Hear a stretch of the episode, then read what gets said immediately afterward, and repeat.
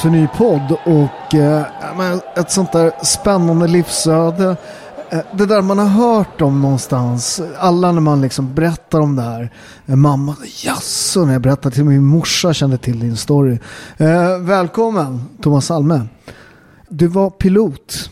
Eller rättare sagt, du flög professionella, alltså, flyg, alltså riktiga kommersiella flygningar i 18 år utan att vara pilot.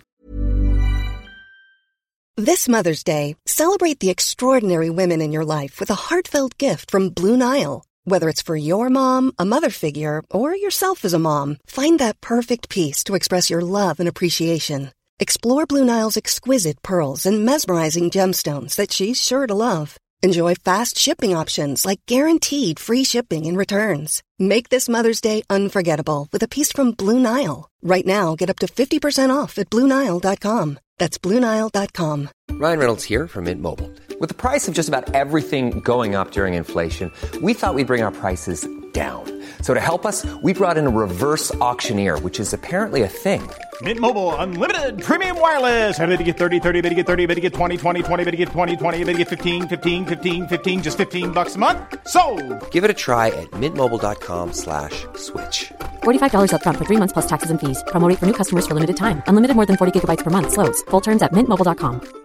Everyone knows therapy is great for solving problems. But getting therapy has its own problems too. Like finding the right therapist, fitting into their schedule, and of course, the cost. Well, BetterHelp can solve those problems.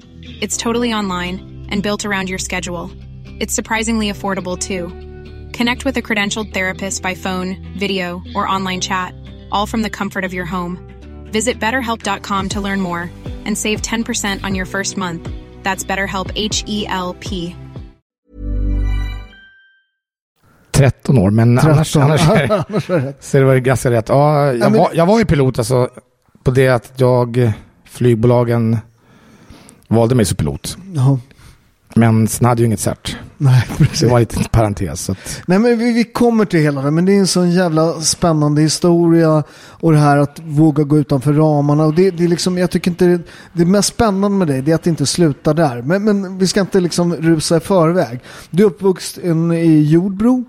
Ja. Eh, Jag är från Väsby. Jag tror att det är rätt lika förorter. Det, det är eh, miljonprogram långt utanför liksom Stockholm. Pendeltåg, vi är inte ens så tuffa så vi har tunnelbana. Och rätt mycket liksom invandrare av olika slag. och jag är ju då, eh, jag är svensk, jag menar, även fast min pappa eh, kommer, han kom från Estland, han är fem år gammal, men jag, liksom, jag är ju svensk va. Men eh, mm, jag är uppvuxen i Jordbro och jag tror väl en del av det jag har gjort och det jag gör är tack vare ja, alla de invandrare, alla de kulturer man mötte. Det var liksom, nu förstår man det att det var, det var ju, det har gett en otroligt mycket tror jag faktiskt. På ett bra sätt. På ett bra sätt. Jag tror att när vi växte upp, du är ju lika ung som jag, du är född 69. Att jag tror att den mixen var ju, det, det började ju bli liksom problem och sånt där. Det fanns en del problem. Men det var fortfarande en mix där man lärde sig i gängen och polarna så var det liksom alla kulturer som hängde ihop. Jag tror att problemet nu i förorten det är att det är en kultur som håller samman. Det är ett språk. Men förut så fanns det liksom, folk var araber, de var turkar, det var mycket juggar, Väsby, lilla Chile liksom. Eh, jag var till och med med i någon dokumentär någon gång, i, i, eh, vad hette den om Jordbro?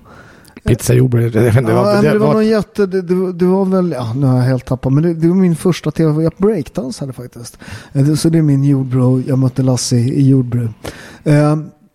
Men, men hur påverkade det, jag förstod att du redan tidigt eh, ville bli liksom pilot. Ja, skillnaden mellan det och mig är faktiskt samma ålder. Var, jag var ju liksom... Jag var en tönt som spelade hockey och gick i skolan. Och, men när jag var kanske en åtta år, sju, åtta, nio år någonstans där, så tog min farsa som var så här, uh, halvprofessionell fotograf.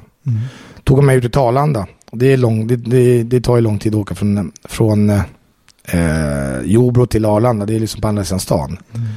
I våran Alfa Syd, som min pappa, Alfa Syd. Ah. Det är också konstigt va. Men, men eh, det var då jag liksom blev wow. Såg de här flygplanen. Och då, då var det liksom ut i världen jag ville. Det var inte bara bli pilot på kanske som eh, militärpilot. Utan det var mer att åka runt ut i världen på och de här flygbolagen och se världen och vara pilot. Det var väl det som det började brinna för mig då. Och eh, ja, tillsammans med det man växte upp med då, olika kulturer. De här, det, som du sa, det, det, var ju, det fanns inte någon rasist. Jag, man tänkte inte som en rasist. Det var ju som du sa, det var folk från Turkiet, det var folk från Jugoslavien och det var från Finland. Och, och man skojar kanske, ja finne, och det, men det var inte på rasist. Det fanns inte någon sån här rasistiska, vad ska man säga, eh, gnistor eller på något sätt. Det, man var svensk, men jag var med jugoslaver och var hemma hos dem och åt, det var annorlunda mat. Det var spännande på något sätt. Mm. Men, men, det är en sak att vilja bli pilot när man är åtta bast. Det, det, det är väl de flesta åttaåringar vill bli antingen pilot, grävskopeförare eller militär. Eh, skulle jag säga. Men, men det, det är stor skillnad på någon som verkligen blir det till slut. Alltså jag, jag tror så här, jag är nog ganska, uh, när jag går in för någonting som jag vill bli, då, då går jag in liksom med 180. Va? Så att jag menar, och du har helt rätt, det, är säkert, det var jättemånga som just i den åldern, brandbilsförare eh, eller polis. Som så. Det, det är många som, unga killar som blir det, eller ville bli det. Men jag liksom, höll i det där. Som jag kommer ihåg jag köpte böcker om flygolyckor när jag var 12 år gammal och lärde mig om det och hade en flygradio som jag kunde lyssna på så här, inflygningar så att man lärde sig språket. Så jag gick ju min egen lilla skola. Men eh, jag kommer ihåg också, och det har ingenting med Jordbro att göra, men jag kommer ihåg när vi skulle söka till, när vi gick i nian, skulle söka till gymnasiet. Så kommer jag ihåg att min lärarinna sa, ja Thomas vad vill du bli då? Jag vill bli pilot. Nej, men det kan du inte bli. Du kommer från Jordbro ungefär. Så då var det så liksom att man fick, jag fick en här begränsning bara för att man det var... Det gamla Sverige tror ja. jag fanns en som blir vid din läst. Liksom, ja, du, nej så kan du inte göra. Du, du, du måste, ja, liksom. precis. Så det blev mig ännu mer i den här, jag ska verkligen bli pilot. Så att, ja, gick på fyraårig tekniskt då, Fredrika Bremer. Och eh, min mamma, jag är enda barnet, så jag är enda sonen. Eh, min mamma dog i cancer när jag gick sista året. Och det var ju, mamma är ju mamma, så det är klart det var en tung period och man är tonåring. Så här. Och min farsa hittade en ny tjej ganska så snabbt och kom ifrån varandra lite grann. Jag ärvde lite pengar, fick pengar och började plugga en pilotutbildning. Så jag fick mitt första cert med små Cessna-flygplan. Mm. När jag var 22-23 år gammal. Men där tog det stopp. Jag hade inga pengar att plugga och det är inte som att bli läkare eller advokat utan där man kan ta studielån utan där gäller det att då, ja, på något det, sätt det, kunna det. Vidareutbildning kostar pengar. Ja, det, det, det är otroligt dyrt. Alltså det, så då, det var ju sådana här killar då som pappa spelade golf och ja, som hade det bra ställt som blev pilot just då. Va? Och, eh, och det var killen från Jordbro? Det var ja, så att jag, mitt, jag, jag var, la väl där lite på, på hyllan. Jag jobbade på en eh, videobutik i hörnet på Sveavägen. Det var någon, jag kommer ihåg, du, du var säkert där någon gång. Ja, på ja, nätterna. Ja, ja. Vad hette den? Ja, det var någon svensk som hade ägare men jag jobbade här hos Planeterna och så här. Men, men prövade på, hade lite musikkontrakt med Warner Chappell som eh, låtskrivare. Mm. Gjorde en demolåt med Tom, eh, Tommy Nilsson, bland annat. Mm. Tills jag träffade en kist, kist, två killar, Christian Lundin, Jonna Mattiello. De jobbade på, eh, höll på med musik på Cheiron med mm. Dennis Pop då. Dagge. Och eh, vi blev kompisar och jag hade då börjat att flyga simulator. Jag hade kommit in så här och ringt till SAS Flight Academy. Hejsan, jag är pilot, har inget jobb, kan jag få komma och träna på nätterna? Mm. Och de bara tackade ja. Men du, ja, men det, du bara fick komma dit? Ja, det var liksom det. Och det här var 90, vad var det, 94 någonting. Men vadå, utan att betala eller? Ja, det var, de har ju då hade, eller har ju då, så här flyg, eller simulatortekniker, mm. datakillar då, som kollar de här simulatorerna mm. som är stora, dyra. Och eh, det är väl ingen, det har väl aldrig hänt förut att någon som har ringt ut en kille, så de visste inte vad ska jag säga, ja, ja men kom ut ungefär. Men, men eh, vi backar bak där. Ja. Hur kommer du på tanken? Hur, menar, någonstans måste du veta, det finns flygsimulatorer, eh, de är precis som riktiga flygplan. Uh, hur får du det? Alltså jag ville ju lära mig, jag ville liksom, okej. Okay. Mm.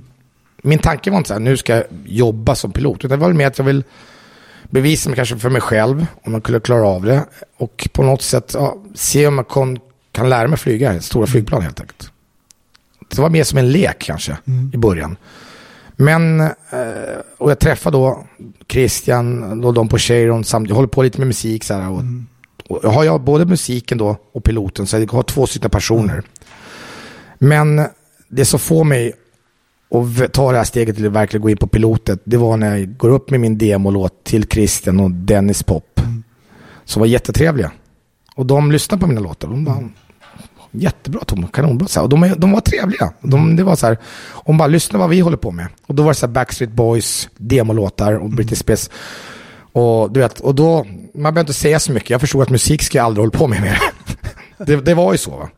Så att, och det, det är bra tror jag, för man, om man ska tro på någonting så måste man också kanske få referens. Om man, det, gäller inte bara att tro på sig själv. Va? Det är ungefär som du och jag ska tänka att om ett år ska vi börja spela i Milan.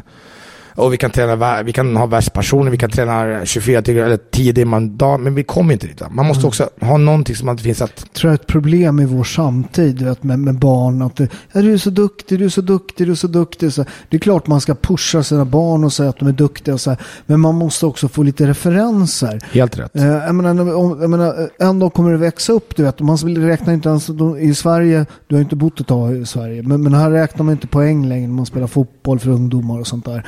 Ja, för att de kan må jättedåligt om de visar sig. Ja, men, men du vet, då kommer du ut i verkligheten och så visar det sig till slut att du är fan inte Zlatan. Du, du, du, har två vänsterfötter. Eh, och du är inte var, vare sig Michelangelo eller Donatello eller, utan du riktar stäckgubbar. Va? Så, så att ibland måste man ju liksom, det är klart man ska tro på sin dröm, men ibland måste man också face the facts. Helt rätt. Och jag håller med dig. Och det, det var väl det som fick att säga att okej, musiken borta. Eh, nu kör jag. Så att, och då var jag liksom i slutänden av min egna egen simulator. Jag hade flugit ett år ungefär, ett och ett halvt år på den här simulatorn sporadiskt en gång i veckan, en gång i månaden, två gånger i månaden, lite då och då. Det är lite roligt att du har en egen utbildning. Du Alltså, kallar det din egna utbildning. Det var, ja, men för det var inte så att jag bara vaknade upp och satte på min pilotuniform. Så var det ju inte. Jag, jag pluggar ju på mitt eget sätt. Va? Men eh, ja, jag kommer ihåg att första gången jag kom dit till Arlanda. Så säger den här killen, ja, som har massa andra simulatorer och så, ja, jag sätter den här. Så frågar han liksom, vilken flygplats, vilket scenario. Då kan vi dator liksom bestämma vad vill det vara på Arlanda, Köpenhamn eller Oslo. Och vad tror jag säger då? då? Nej, New York John F Kennedy. För jag vill ju ut i världen. Såklart. Så jag satt ju där, men jag kunde ju ingenting. Nej. Och jag ville, det är som att det kan inte hända någonting, man kan inte göra Nej, illa sig. Men nej, jag ville liksom inte göra fel. Va? Så jag satt bara där i fyra, fem timmar på natten och drömde. Fick ett bra relation med honom, snodde ingenting och skötte mig bra. Eh, kom tillbaka, började kopiera manualerna, lärde mig systemen. Och sen efter ett, ett år, ett och ett halvt år så kunde jag flyga. Men du var där ett och ett halvt år och de bara lät dig göra det. Ja. Men, Men det är också men, hur, men hur lyckas man med det? det, det är inte, jag tror, alltså, du, du låter som du bara ringer. Det, alltså, det, Ja, kräver, det- det kräver en viss kräver lite balls, det kräver en viss person, det kräver också likability, att man liksom, jag hittar ingen bra ord på svenska på det, men, men att, att, man, att folk gillar den liksom. Du kommer dit och är trevlig liksom. Ja, men det, men det, det, jag tror så att det, är så, det var så osvenskt på något sätt. Ja. Det, är väl, liksom, det är väl så ovanligt. Så att, jag, menar, jag gjorde väl någonting... fast du är ju en sån snubbe, man gillar ju dig. Jag vet inte, men, men, Jo, men det gör man. Det- men, men det är väl bara för att man har bott i Italien så länge nu. Men, men jag, jag kände liksom att eh, jag, jag tror jag har gjort saker i mitt liv som är väldigt, väldigt så här. Så gör man inte i Sverige. Mm. Och det är väl därför jag passar bra in i Italien. För där är det som att, Ja, du bor i Italien. ja. Så jag menar, men ja, så jag kom i alla fall till en, en, ett vägskäl 97. Och då känner jag då lite italienare i Sverige. Jag kan ingen italienska, jag har inte ens varit i Italien. Men jag känner då, utan jag tror han heter Nello som ägde Trat- Trattoria Romana. Jag känner några som har restauranger i, från Parma, kommer honom? Eh, så jag känner några, jag tycker de är trevliga, jag tycker italienare, det, skittrevliga. Så här. Och då var det något bolag i Italien som, sökt, som sökte jobb då. Så jag sökte jobb. Ja. Och pusslade ihop mitt eget certifikat. Gjorde ett Men du klistrade certifikat. ihop ett Ja, alltså, alltså, jag gjorde ingen kopiering utan jag gjorde ett certifikat, ett nytt certifikat som inte finns. Utan stämpel. Så det var ganska Mm. dåligt gjort egentligen. Så här, ur förfalskningssynpunkt. Va? Men du, Klippt ut- du, du, du hade gjort ett eget, Ja. en egen skola? Ja, en egen, egen, hittade på ett CV med Aladdin Airlines och hittade på att jag flugit med massa så här, som inte fanns bolag. Va? Så det var ju ganska enkelt egentligen. Det var väldigt så här, barnsligt tror jag. Så jag tänkte inte, så Nej. jag tänkte, ja, men, jag vet inte. Men det var liksom dåligt förfalskat och dåligt gjort. Jag bara gjorde det.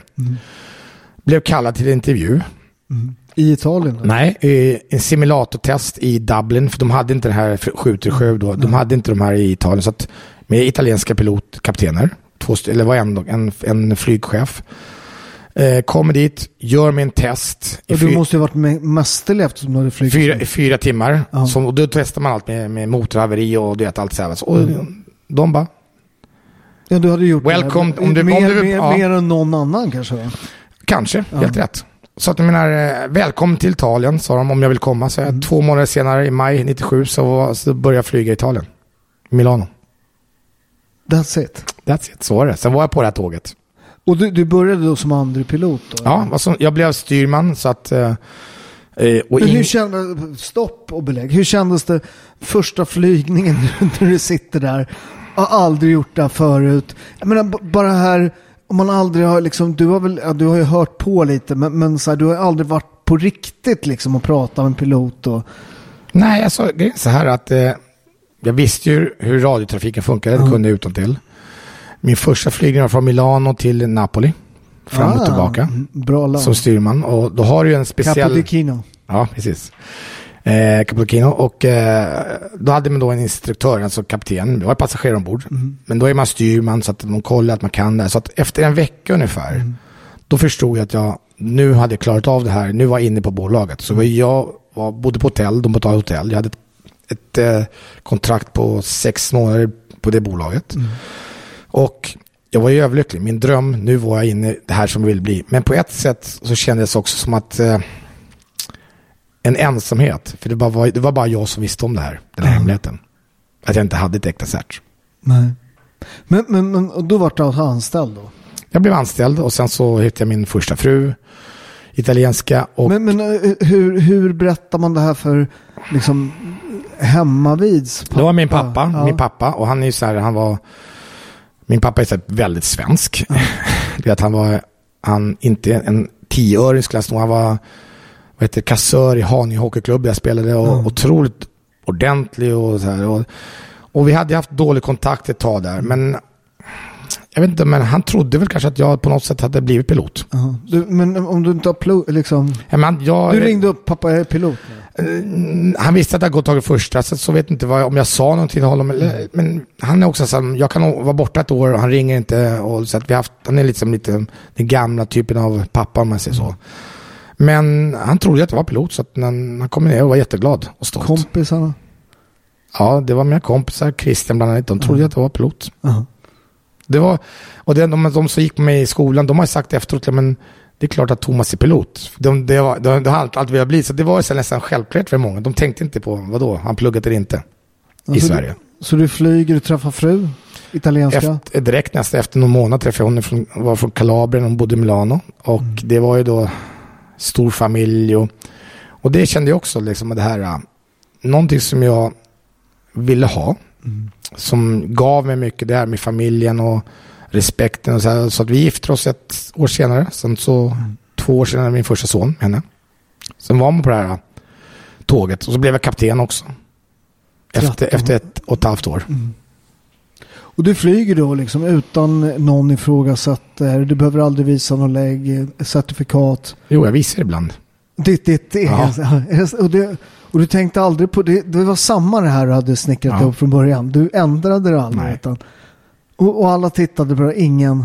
Ingen. Men vad, behövde du visa det här certifikatet? När behövde man visa det? Man gjorde ju då så här tester en gång var sjätte månad. Ja. Då man kontrollerar. Så då, då ska då, då ska egentligen, jag hittade ett, som man ska säga, en, en hake. Mm. Då var det så att egentligen ska då, när man gör testerna så ska han som instruktör, då får de fylla i sig en, en, en folje, jag vet ett blad. Blad.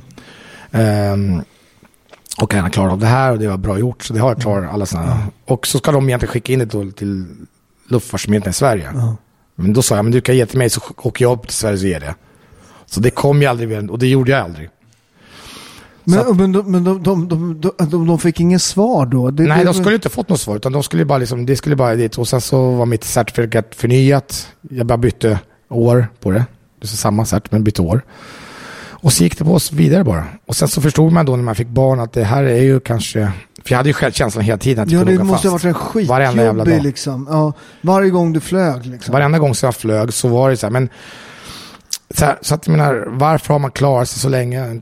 13, det är för att jag är svensk, absolut. Mm. Duktig, ja, jag var bra pilot. Men inte bara, det var många saker som gjorde tror jag. Så här. Och en sak också, det är att jag, du ser hur jag är, jag är ganska enkel och, som person. Jag är, jag är som jag är. Och så var jag en pilot också. Jag gillar att skoja, jag gillar att prata med människor. Så att jag, det var inte så att jag, ja, god morgon, det är kapten Thomas här. Utan Jag är så här, som jag är va.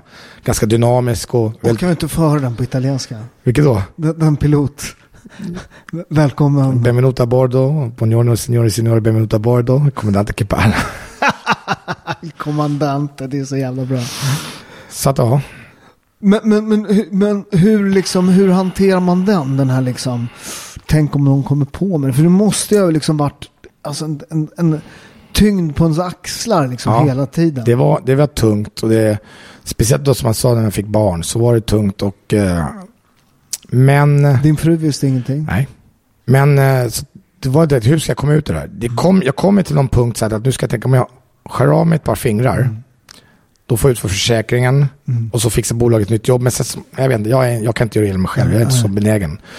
Och jag är ganska positiv så här för små saker. Va? Så att jag menar, eh, ganska starkt psyke själv och sådär. Så att jag menar, jag tror att det, det har väl hjälpt mig. Jag tror inte att, det är ingenting att rekommendera om man säger så.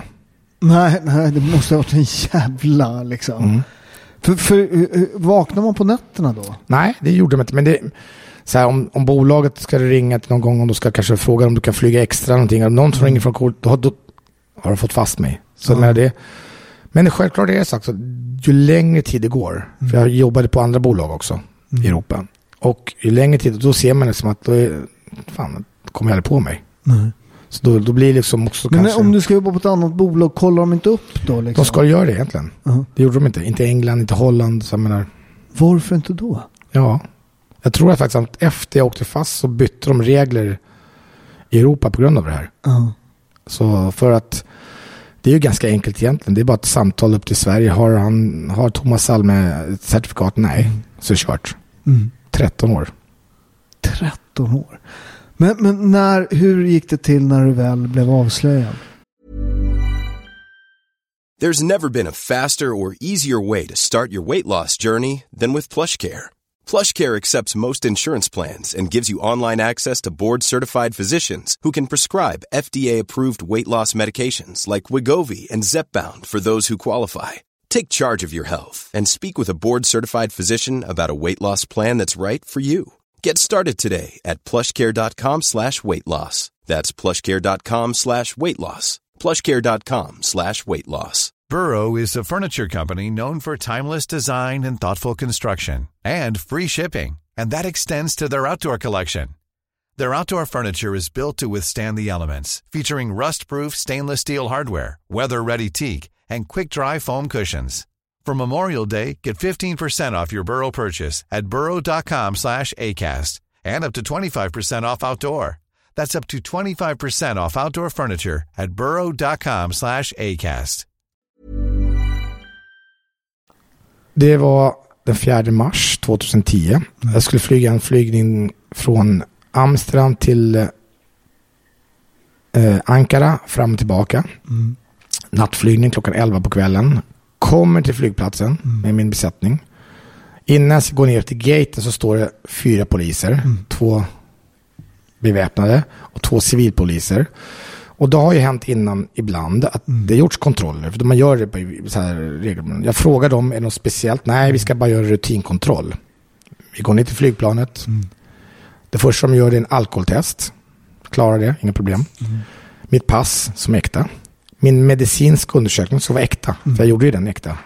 Flygundersökning. Och sen kom de till mitt certifikat.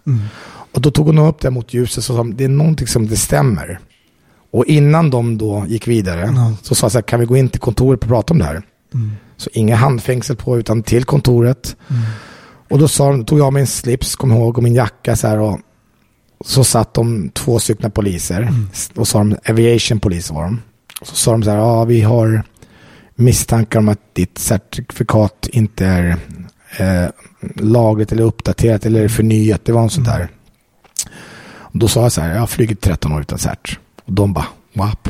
Var så, att det kom ut över hela världen. Och då, Ja, det var stort, eller hur? Ja, det är Fox News och så här. Så att eh, ja, och då, Då tänkte jag så här, att okej, nu är det kört. 20 års fängelse. Ja. Det här är 2010 efter September 11. Så att, Ja, precis. Tror ja. du tror att det var något med det? Nej, nej. Utan Jag, jag, jag, Vad här, ren, hur tror man hade liksom hajat? jag tror att det är någon som kanske jobbar på ett kontor Mm. som har sett det här certifikatet och sett ett annat svenskt certifikat sett det här. Helt olika, förstår du? För hade det varit någon chef, då hade de liksom kallat mig till kontoret. Thomas, det här får inte komma ut. Nej, precis. Så att jag menar, eh, och kollegor var ingen som kunde ha det. För det är de, de, de, man ser inte varandras certifikat, Nej, det gör man precis. inte. Så att jag menar, det är den enda tanken jag kan ha gjort. Polisen trodde att det var jag själv som hade, det var någon som hade skickat ett anonymt tip, tips. Ja. Men det var, det var absolut, för jag, så dum är jag inte. Det är inte så att jag vill, nu ska jag komma i fängelse. Det, jag trodde ju att det skulle bli 20 det, var, år. det, det var ett anonymt tips då? Alltså. Ja, det var det. Tack för det. Det var en bra avslutning. Ja. Sen hade jag tur. Men, men, men vad, vad, vad, vad hände direkt? De, de, Vad de- hände? Jag blev häktad. Jag blev Ja. häktad i, i Holland. Och klart första dygnet, det är inte kul. Nej. Så, så satt då och, men direkt så kände För jag... den där, är- den är ju, det, vet ju jag som har suttit ett antal gånger. Den här första är ju jävligt jobbig när man, man hoppas gå fri och man bara, vad har de och, ah, du vet, hur länge För mig, kä- för mig kändes det bara att nu, nu är kört, för det var så klart va. Det kanske var skönt bara, äntligen. Nej, det, det första, det, man är ju inte van, jag har aldrig suttit häktad innan, så, men Mm. det är klart att det var, det var inte kul. De, de hade ljusen så här tända, du vet, att man inte... Så, Mm. och sen så... jag fattar inte. Folk är så här, men svenska, nu var det inte Sverige. Nej, Holland. Häkte- eh, Holland, men häktning, Sverige har ju ett av världens hårdaste häktningsregler. Ja, vet. Och, Du vet, man sitter ju helt isolerad då. Men du satt inte isolerad? Nej, jag, satt ett dygn där på, själv och sen så kom jag då, men så märkte jag direkt liksom att de behandlar mig och sen när jag kom in då var det massa andra Mm. häktade, då var det mycket så här från kokainsmugglare och knarksmugglare som satt i Holland såklart, Ja. från Sydamerika. Och eftersom jag kan italienska och italienska och spanska väldigt lika så hjälpte jag dem när de skulle prata med vakter och byråkrater så hjälpte de. Och då kallade de mig the captain. Det så här. Och de hade sett mina, det var på nyheten, det fanns ju inne, alla visste vem jag var. Så jag blev som en så här, ja, alla bara, Men Thomas all- du måste ringa mig sen när vi nu kommer ut. Ja, men, men alla vet ju, du- alla vet vem du är. Det är något Ja. med brottet som gör att, det är något som gör att det, folk blir inte förbannade utan det är Nej. något så här, shit liksom, jävlar hur han grejar han det där liksom. Ja, det, det, jag tror nog det, därför jag menar, det, det hände ju aldrig någonting. Nej. Jag fick 2000 euros i böter. 2000 euros i böter fick jag. That's it. Ingen fängelse, ingenting. Nix. Hur mycket kan du ha tjänat? eh, Ingen aning. Men jag år. betalar ju skatt. Så jag, menar, eh, eh, jag fick som kapten 10-12 000 euros i, böt- mm, månaden efter skatt. Och så fick du 20 000. Vad fick du? 10, 2 000 euros i böter. 2 000 euro. Ja, det är mycket, det är för mycket, eller hur? Nej, men det, jag menar, jag... That's it, ingen fängelse, ingenting. Vad- vad- 2000, euro- den, den officiella domen var 2000 euros böter. Vad var du dömd? Vad vad var själva Jag brottsrubriceringen? vet inte, om jag, ska, jag kommer inte ihåg vad det var, men 2000 euros böter och jag fick inte flyga på ett år som pilot. Ah. Men det kunde jag inte göra för jag hade ingen Nej, cert. Så att jag menar, men åklagaren, holländska åklagaren då, när de hade intervjuat honom i tidningar så där Mm. efteråt, så då, han, han, han hyllade mig. Han bara, men han var en av de bättre piloterna och han hade haft det som, så de hade ju kollat upp mig ganska bra. Men var det inte så till och med, jag läste, nå- eller vet inte vad jag hört det någonstans, du har ju till och med någon gång landat med en motor Ja, som, Pantelleria utanför Sicilien. ja, som är svårt, att, Ja, eller hur? Det, ja, det, det är den där lilla jävla Ja, ön, eller hur? Precis. Ja, Den är skitsvår att landa på, Ja, det, det, finns två, det fanns två stycken, eller finns två stycken flygplatser i Italien som man måste ha speciellt tillstånd. Det är bolaget som ger dig, så de väljer ut de som de tycker, är skickligast. ja, och vissa kaptener. Och det är Reggio Calabria och det är Pantelleria. Ja. De två. Och Pantelleria, så en gång så landade så fick en, en fågel, en örn i högermotorn. Så det gick sönder. Men jag landade. Men det, det är sånt som händer med piloter. Jag menar det är... Hur ofta händer, men hur ofta händer det sånt? Ja, det vet jag inte hur många. Men jag menar om du pratar med piloter som har flugit som jag 10 000 timmar och så här. Så är det säkert många som har varit med om saker och ting, incidenter och sådär. Och det, det ingår ju liksom i, Märker man det som pas- passagerare? Att det någon... ja de, de, det märkte de. Det, det säkert ryckte till lite och det luktade lite bränt, bränd, bränd fågel. Men det roligaste var så här att det var att i den incidenten, det var att det var en havsörn. Ah. Så att två veckor efteråt, de var tvungna att rapportera om det här. att man, så här, och då kallade min chef min flygchef Antonio Ferrari, han kallade mig till kontoret när jag var i Rom. Så Thomas kan du komma upp? Bara, Love the name Antonio Ja. Ferrari.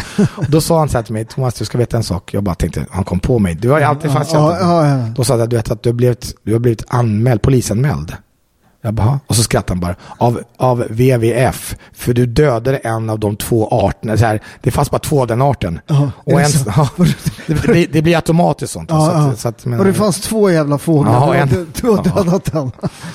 Så, men, det, men det är sådana saker. Så att jag menar, nej, och sen så, ja, så att, men jag har ju haft en otrolig tur. Ja, skojar du? Men, men, men det som jag tycker med din story som, som, som jag tycker är nästan ännu mer fantastiskt, det är vad som händer efter. Då är det, då, då är det så här, jaha, nej, men jag, jag kan inte jobba som, som pilot, och vad ska jag göra nu? Mm. Och jag hade ju då, eh, som berättade i början, min pappa var så här halvprofessionell fotograf. Så jag, jag växte upp lite med fotografering och så här. Så att jag, jag hade börjat när jag flög fortfarande liksom. Och fota lite mode och sådär. Och sen så att när jag slutade som pilot så var jag tvungen att göra något annat. Jag, hade, jag, fick, jag var med lite på tv och lite och, sådär. Och fick lite extra pengar för i början då. Men Du var med rätt mycket va? i Ja, precis. Och i Tyskland och så här. Men, men i alla fall, jag började fotografera. Mode i Milano. Och fotboll på San Siro. Så jag var en av få som har fotat för Inter. Fa- Fast den där är också så här, det, det, det går inte bara att säga så här, så börjar jag foto- fotografera för Inter. Det är nog många som vill fotografera för Inter. Hur får man det jobbet? Hur, det hur, till? hur, hur gick det till? Det gick, det gick till så här att jag var med på en i, vad heter det, i Milano, en lokal-tv. Och samtidigt så var Milli Moratti, som är Massimo Morattis fru, det var före detta Inters ägare. Hon var i den studion, skulle göra en annan grej. Och då presenterade den här programledaren mig för Milli Moratti. Ja, Thomas han är svensk så här. Och hon bara, åh svensk, jag älskar Ikea. Så att hon, hon då älskar vi, då, då, berätt, då, då, är, då är det så här att när Inter ägdes av Massimo Moratti till 2015 och sådär, 14-15, när de sålde det. Då hade där de tränade i Appiano, nära Como, där, in- där, de, där, i, i, där de sov, så här, i Retiro, äh, heter de innan matcherna ibland, stora matcher. Ikea-möbler.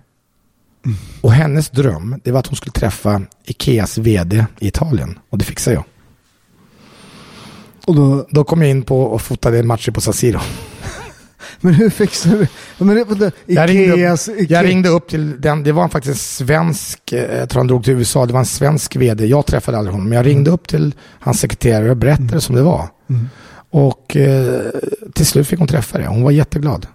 Och jag menar, det var så roligt för jag var i Milano Nej, men det är ibland. också så här, det är också, det krävs ju, ja, men jag ringde upp vdn och, det, det, krävs- vem, ringer massvis med folk på Ja. sådana vd liksom. Och, vad, sen, Men jag hade ju Milli Moratti som, som vill träffa liksom. Ja, ja, ja, ja, ja. det var Jo, Italiens rikaste, en av de rikaste som familjerna. va.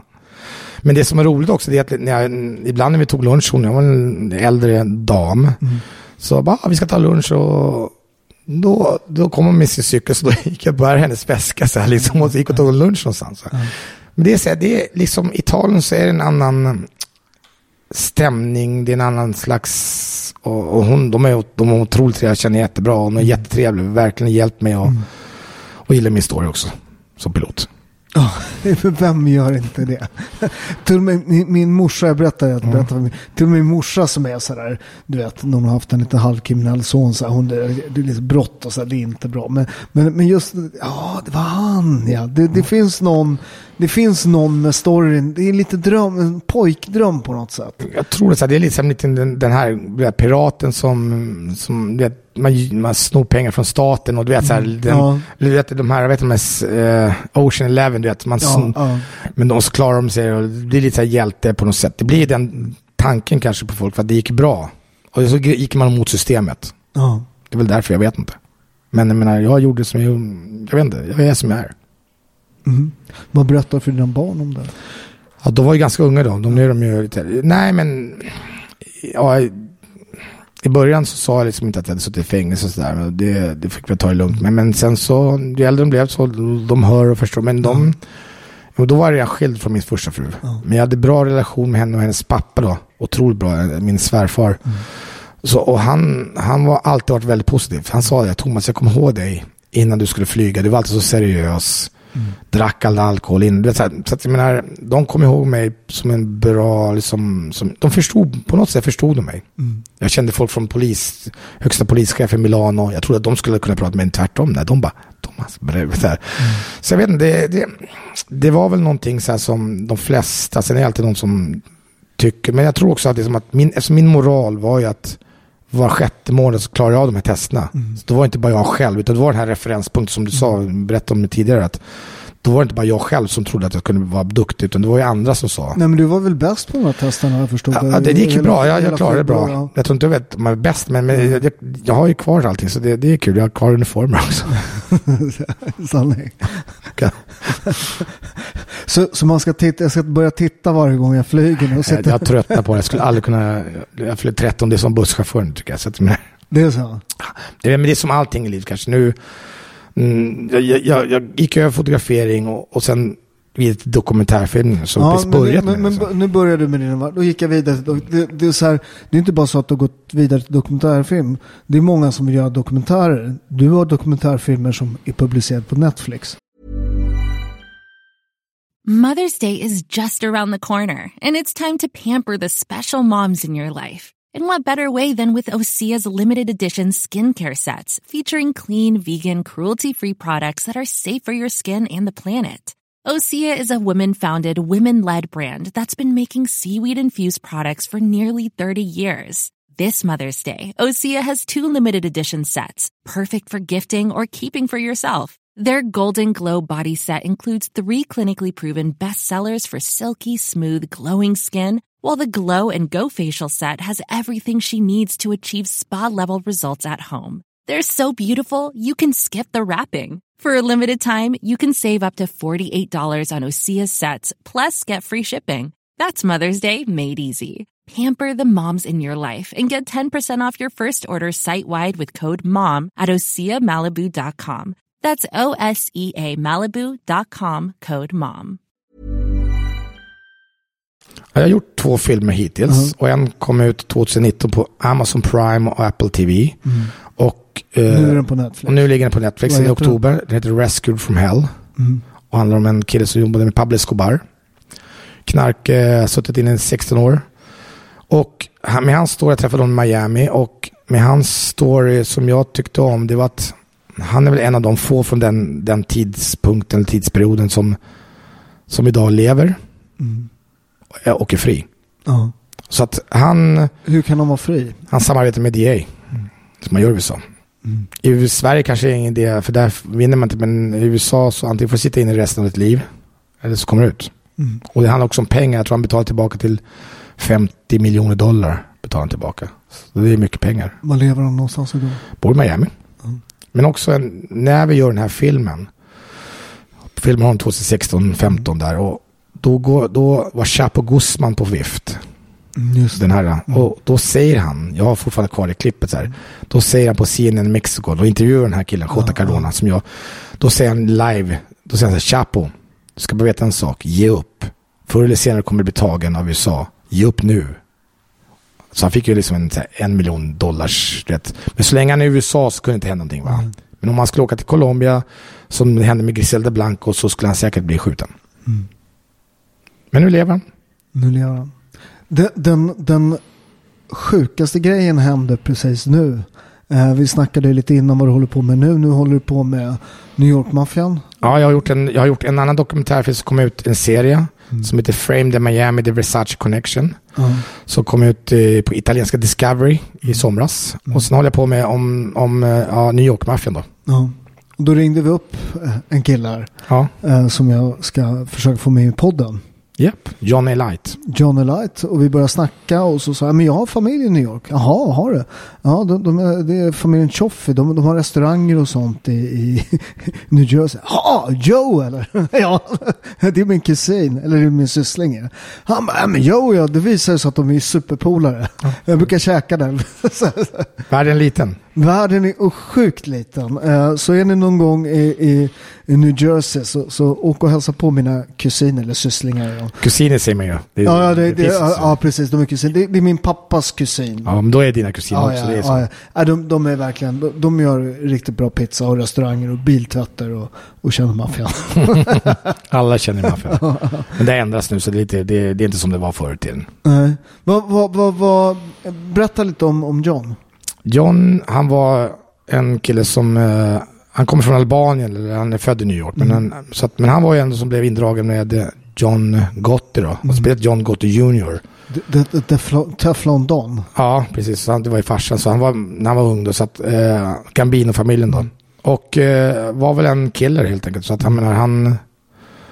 Jag vet inte om han officiellt sköt ihjäl, eller sköt dem med base, ja, andra maffiakillar och 16, 15, 16 killar. Men jag menar det...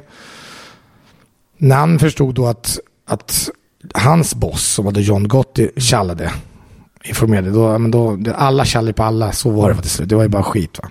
Och jag menar, så att han ehm, eh, kom ju ut. Men han är en människa som bor kvar i New York och liksom inte är rädd för någon. Och vad jag gillar med honom är att han åker runt till han åker runt i fängelser, åker runt på ungdoms, hjälper unga som kanske har problem och försöker få dem att sluta. Mm. Han har blivit en, en riktigt reko kille. Han, jag känner de FBI-killarna som satte dit honom, de är kompisar med honom. Bra människa. Men, men han, han snackade då och fick gå. Alltså, han gjorde väl någon deal, men jag vet inte vad han sa exakt. Och det, är så här, det får du fråga om exakt vad som hände. Men, men han samarbetar med, med FBI på något sätt. Mm. Och kan gå fri. Ja. De har ju ett annat system där. ja. Och jag menar, han, är, han har varit i Europa. Så han kan ju åka, han har ju pass. Jag menar, men det, det, det var ju på den tiden när det var, fanns vissa så här, eh, lagar inom maffian. Så, här, så det var inga barn och det var inga kvinnor och så, som, som kom till skada om man säger så. Nej. Hur, hur, hur, känner, hur lär du känna en sån snubbe? Hur lärde jag känna honom? Jag lärde känna honom för jag höll på med en annan grej om Mr Undercover och så var ja, det, jag vet inte, varför känner jag dig för? det blir ju så ibland, man Ja. snackar med honom och jag är väldigt nyfiken om det. Jag gillar det här, jag gillar det, men hallå, jag är ju, du har ju varit sån här, inte förebild kanske, men du har ju varit så här, på något sätt man, har man gillat dig också, men här, den här tuffa killen, men du verkade ju också vara så här, som, du gick inte på massa tjejer och utan det var, det var, det var så här, han var krigare, han var den här tuffa killen som, ja du vet, så, så för mig, ja, liksom, nu sitter jag här med dig. det är också otroligt. Jag var ju liksom inte, på, när du gick i Kungsan och kickade så var inte jag där. Nej, nej. Men, men, då var man ju rädd. Men jag känner, jag känner lite samma. Nu sitter jag här med dig. Ja. Det är han piloten. Det är en sån här eh, en story som man, som man vill berätta för vänner. Ja, det är lite, det är lite annorlunda i alla Och det, det får man, nu får man göra i podden och, och berätta liksom folks levnadsöden och så. Vad- Men framåt då? Vad, vad, vad, kan du nöja dig med vara dokumentärfilm? När kommer du tröttna på det? Jag vet inte, det är ganska svårt, men det är... det är ny, det är ny story. Det är och jag vill ju liksom komma, jag vill bli som bra och jag har mycket att lära mig fortfarande. Så att, och det är så är det komplicerat, man ska, jag klipper ju mina filmer själv. Va? Men, och så finns det så otroligt bra stories ute där. Jag gör mycket crime, va? så jag, ju, jag gillar ju det. Och, eh, så det finns mycket nya spännande projekt om man säger så. Och folk gillar ju sånt och tittar på det. Ja, crime är ju jättestort. Men, men vad, vad har du, håller du på med att jobba just nu då? Ja, jag har varit i Sverige nu och hållit på med lite, med lite, vad ska man säga då? Eh, undersökningar kan man säga så. Re- research, undersökningar om, om lite, som kanske handlar om penningtvätt och sånt där. På vissa nivåer. Men det får man ha, innan det att man har det ute så ska man ha det tyst. Ja, det ska man göra. Ja. Jag, jag, jag förstår, det Så att- låter ju väldigt intressant. Jag vet ju lite mer, men det låter ju väldigt, väldigt spännande. Ja, det, det är spännande. Och, och, Och det- och det är också en sak som man lite, man upptäcker blir att- lite chockerad också när man hör. Ibland så tror man kanske att Sverige på vissa saker ska vara annorlunda. Man, speciellt man bott i Italien eller kanske, eller med utländska ögon ser Sverige som ett perfekta landet, men så är det kanske inte alltid. Sverige är bra på många, många sätt, inte det. Men, men Men, er, börjar inte den här synen på Sverige ändras lite grann? Jag vet ju, min, min släkt kanske har lite mer koll på Sverige eftersom de har familj där. Men de har ju börjat inse att det, det skjuts ju mer folk i Sverige nu än vad det gör i Camorrans i Neapel liksom. Så, det, så, det, det är ett annat lundet våld, det är helt Ja. rätt. Ja, och, och det här, men även det här med som du berättade innan, det här med häktning och sånt där. Jag pratade med några advokater i USA. Jag jobbar mycket i USA, Mm. mycket filmer där. Men, och när jag berättade om att man kunde sitta isolerad liksom i tre år, som jag tror att Jonas Falk gjorde det. Ja. De bara, va? I Sverige? Det är som, det är som omöjligt nästan, va? i USA. Så jag Men menar, Sverige har ju väldigt, väldigt konstigt, det är ju världens hårdaste häktningslagar skulle jag säga. Där man kan sitta, alltså för att, för att man kan säga vad man vill om fängelsestraff. Men, men när du är häktad är du ju faktiskt inte, inte dömd. Va? nej. Så, så, så att, att, att, att den hårdaste delen av straffet kommer innan du är dömd. Är rätt, och det jag förstår att man inte vill att folk ska snacka och sådär. Men, men, men så här, den är inte en riktigt, jag, jag har svårt för den typen av lagstiftning. Alltså det, det jag, jag, jag följer inte med så mycket lagen Mm. och, och politik i Sverige, men som jag förstått så är det ju liksom, nu går ju vågen, ja, vet de här S, är de Sverigedemokraterna? Ja. så- så det. Och det är även Italien ska ha högern nu, Giorgia Meloni är liksom Ja, ja. Fratelli Italia. Också det går ju åt höger och det brukar liksom, det är, det är ett missnöje, det är någonting som inte funkar. Då blir det liksom den extrema motparten som Mm. får röster. Så men det är väl dags, jag tror att, så, jag vet inte hur man skulle göra, men jag menar, jag pratar med några av de som är invandrare, Ja. som jag känner, och de är också så här, det, de är liksom kanske, de tycker bra med SD på vissa saker. Det är inte för att de är rasister, de kan inte vara rasister, de är invandrare. Men det är kanske att vissa fel typer av människor kommer hit just nu. För många en viss grupp. Man kanske tar in mer kvinnor och barn som behöver hjälp. Jag vet inte, men det, det är någonting som inte stämmer i Sverige just nu tror jag. Väldigt länge har det varit så, skulle jag säga. Inte Det är tråkigt. Det är liksom det, det, det, jag, menar, jag tror ju så här, det, nu när jag varit ute, när man är ute på stan, man har liksom, de, de trevligaste som man pratar med, det, det är utlänningar.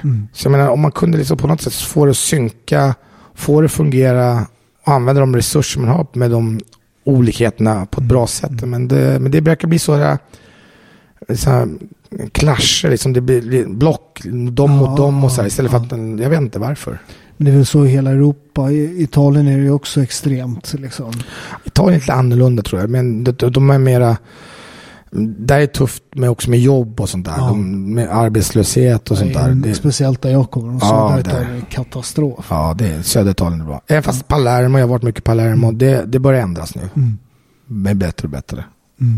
Vad tror du om Italien och rent politiskt? Vad tror du kommer hända med Fratelli Alltså, Italia? Giorgia Meloni, det är bra. jag tror att många gav henne en röst för att hon är kvinna. Mm. Det som är roligt är att många förstår inte att det är tjejer i Italien, de har ju mer makt än, vad, än vad killarna. Det är inte, det är inte som att åh, italienska, de är macho. Nej, nej, nej. nej. Det, är, alltså, det är kvinnan hemma som bestämmer över ekonomin och det är södra och norra Italien, så är det oftast. Alltså, jag menar, Jag, får, jag brukar ofta säga det här med ni så här patriarkal kultur. Ja, tjena, du har aldrig varit i en italiensk familj eller? Försök att sätta, jag kan tänka mig du som är gift med en italienska, försök att sätta det på henne. Då får man ju fan stryk. ja, ja, absolut. stryk, alltså fysiskt. Absolut, jag menar, det finns inte möjlighet. Menar, så, att, menar, så att nu tror jag med Giorgia Meloni, som är Giorgia Meloni, att hon, nya presidenten, att ja, folk hoppas på henne, att hon kan göra lite ändringar. Får vi se. Ja, men nyckeln för Italien ska jag säga. Det, det, det är i princip skitsamma vem som styr Italien. Bara de får sitta ett tag. Alltså det, pro- problemet med Italien är att de ständigt byter regering. Ja, det Ja, men alltså, det, ja, men det, Italien är ett väldigt byråkratiskt, komplicerat system i sig. Va? Så det, det det, är sjukt. Jag gör ju affärer med Italien. ja, det är helt det, det är böket Ja, med. det är helt värdelöst. Så att jag menar, jag vet inte, men på något sätt så verkar de alltid överleva. Ja, men de, de, problemet med Italien är att du kan inte lyda riktigt lagarna för att de är för komplicerade. Så, så folk hittar alltid sätt att komma runt de där lagarna och du vet, man får göra allt för att liksom så här få bidrag. Alltså det, det, det, det, att det fortfarande funkar det här landet trots det är så otroligt byråkratiskt. Det är, det, jag brukar säga så här, det är världens vackraste land, ett av världens vackraste folk och världens sämsta politiker. Sverige börjar komma ikapp, men, men italienska Ja. politiker är fan Jag, jag håller med dig. Jag, tycker, jag, jag håller med dig. Det är liksom, jag brukar skoja och säga det, för jag blir som jag är, så, jag är italienare kan man säga. Så att jag menar, och det är liksom att det, Hur länge har de, du bott de, i Italien? värsta, Hur länge har du bott i jag har bott där sedan 97. Ja. Så nästan hel- halva livet. Men brukar, de värsta italienarna blir politiker. Liksom. De, Ja, de sämsta moraliska och så att menar, det, det fattas väl kanske någon ledarskap som, som, som gör någonting istället för att tänka för på sig själva. eller? Men jag tror, jag tror nog att det kommer komma. Vi får hoppas det. Ja. tack för att du kom. Tack för att du delar med dig av din, din niente fratello. Vad heter det? Ja, otroligt spännande historia. Eh, kolla filmen på Netflix. Vad heter den? Rescued from hell. Rescued från Hell. Eh, så ja, tack för att du kom. Tack. Hej.